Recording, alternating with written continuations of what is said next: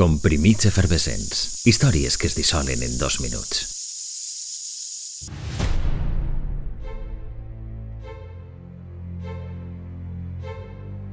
S'ajuntaren la fam i les ganes de menjar.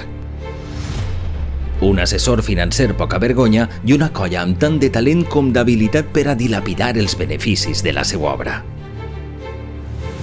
La negligència de l'assessor els deixa un deute astronòmic amb Hisenda i decidiren fer una escapada cap avant. Un 14 de març, els Rolling Stones es mudaven del Regne Unit per no pagar impostos.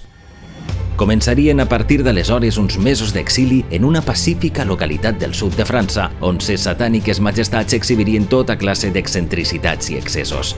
Sexe, drogues, rock and roll i fins i tot una boda, la de Mick Jagger i Bianca Pérez. Però sobretot, i a pesar de tot, aconseguiren gravar el llegendari Exile on Main Street, considerat per molts una de les millors obres de la història del rock and roll.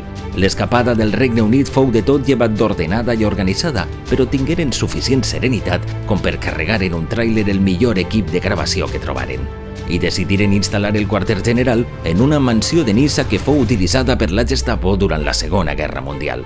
I en aquell soterrani on els nazis torturaven, els Rolling concebiren un àlbum sublim que els donaria diners a cabassos, tants com per posar-se al dia 5 o 6 voltes amb la hisenda britànica de la qual fugiren un 14 de març de 1971.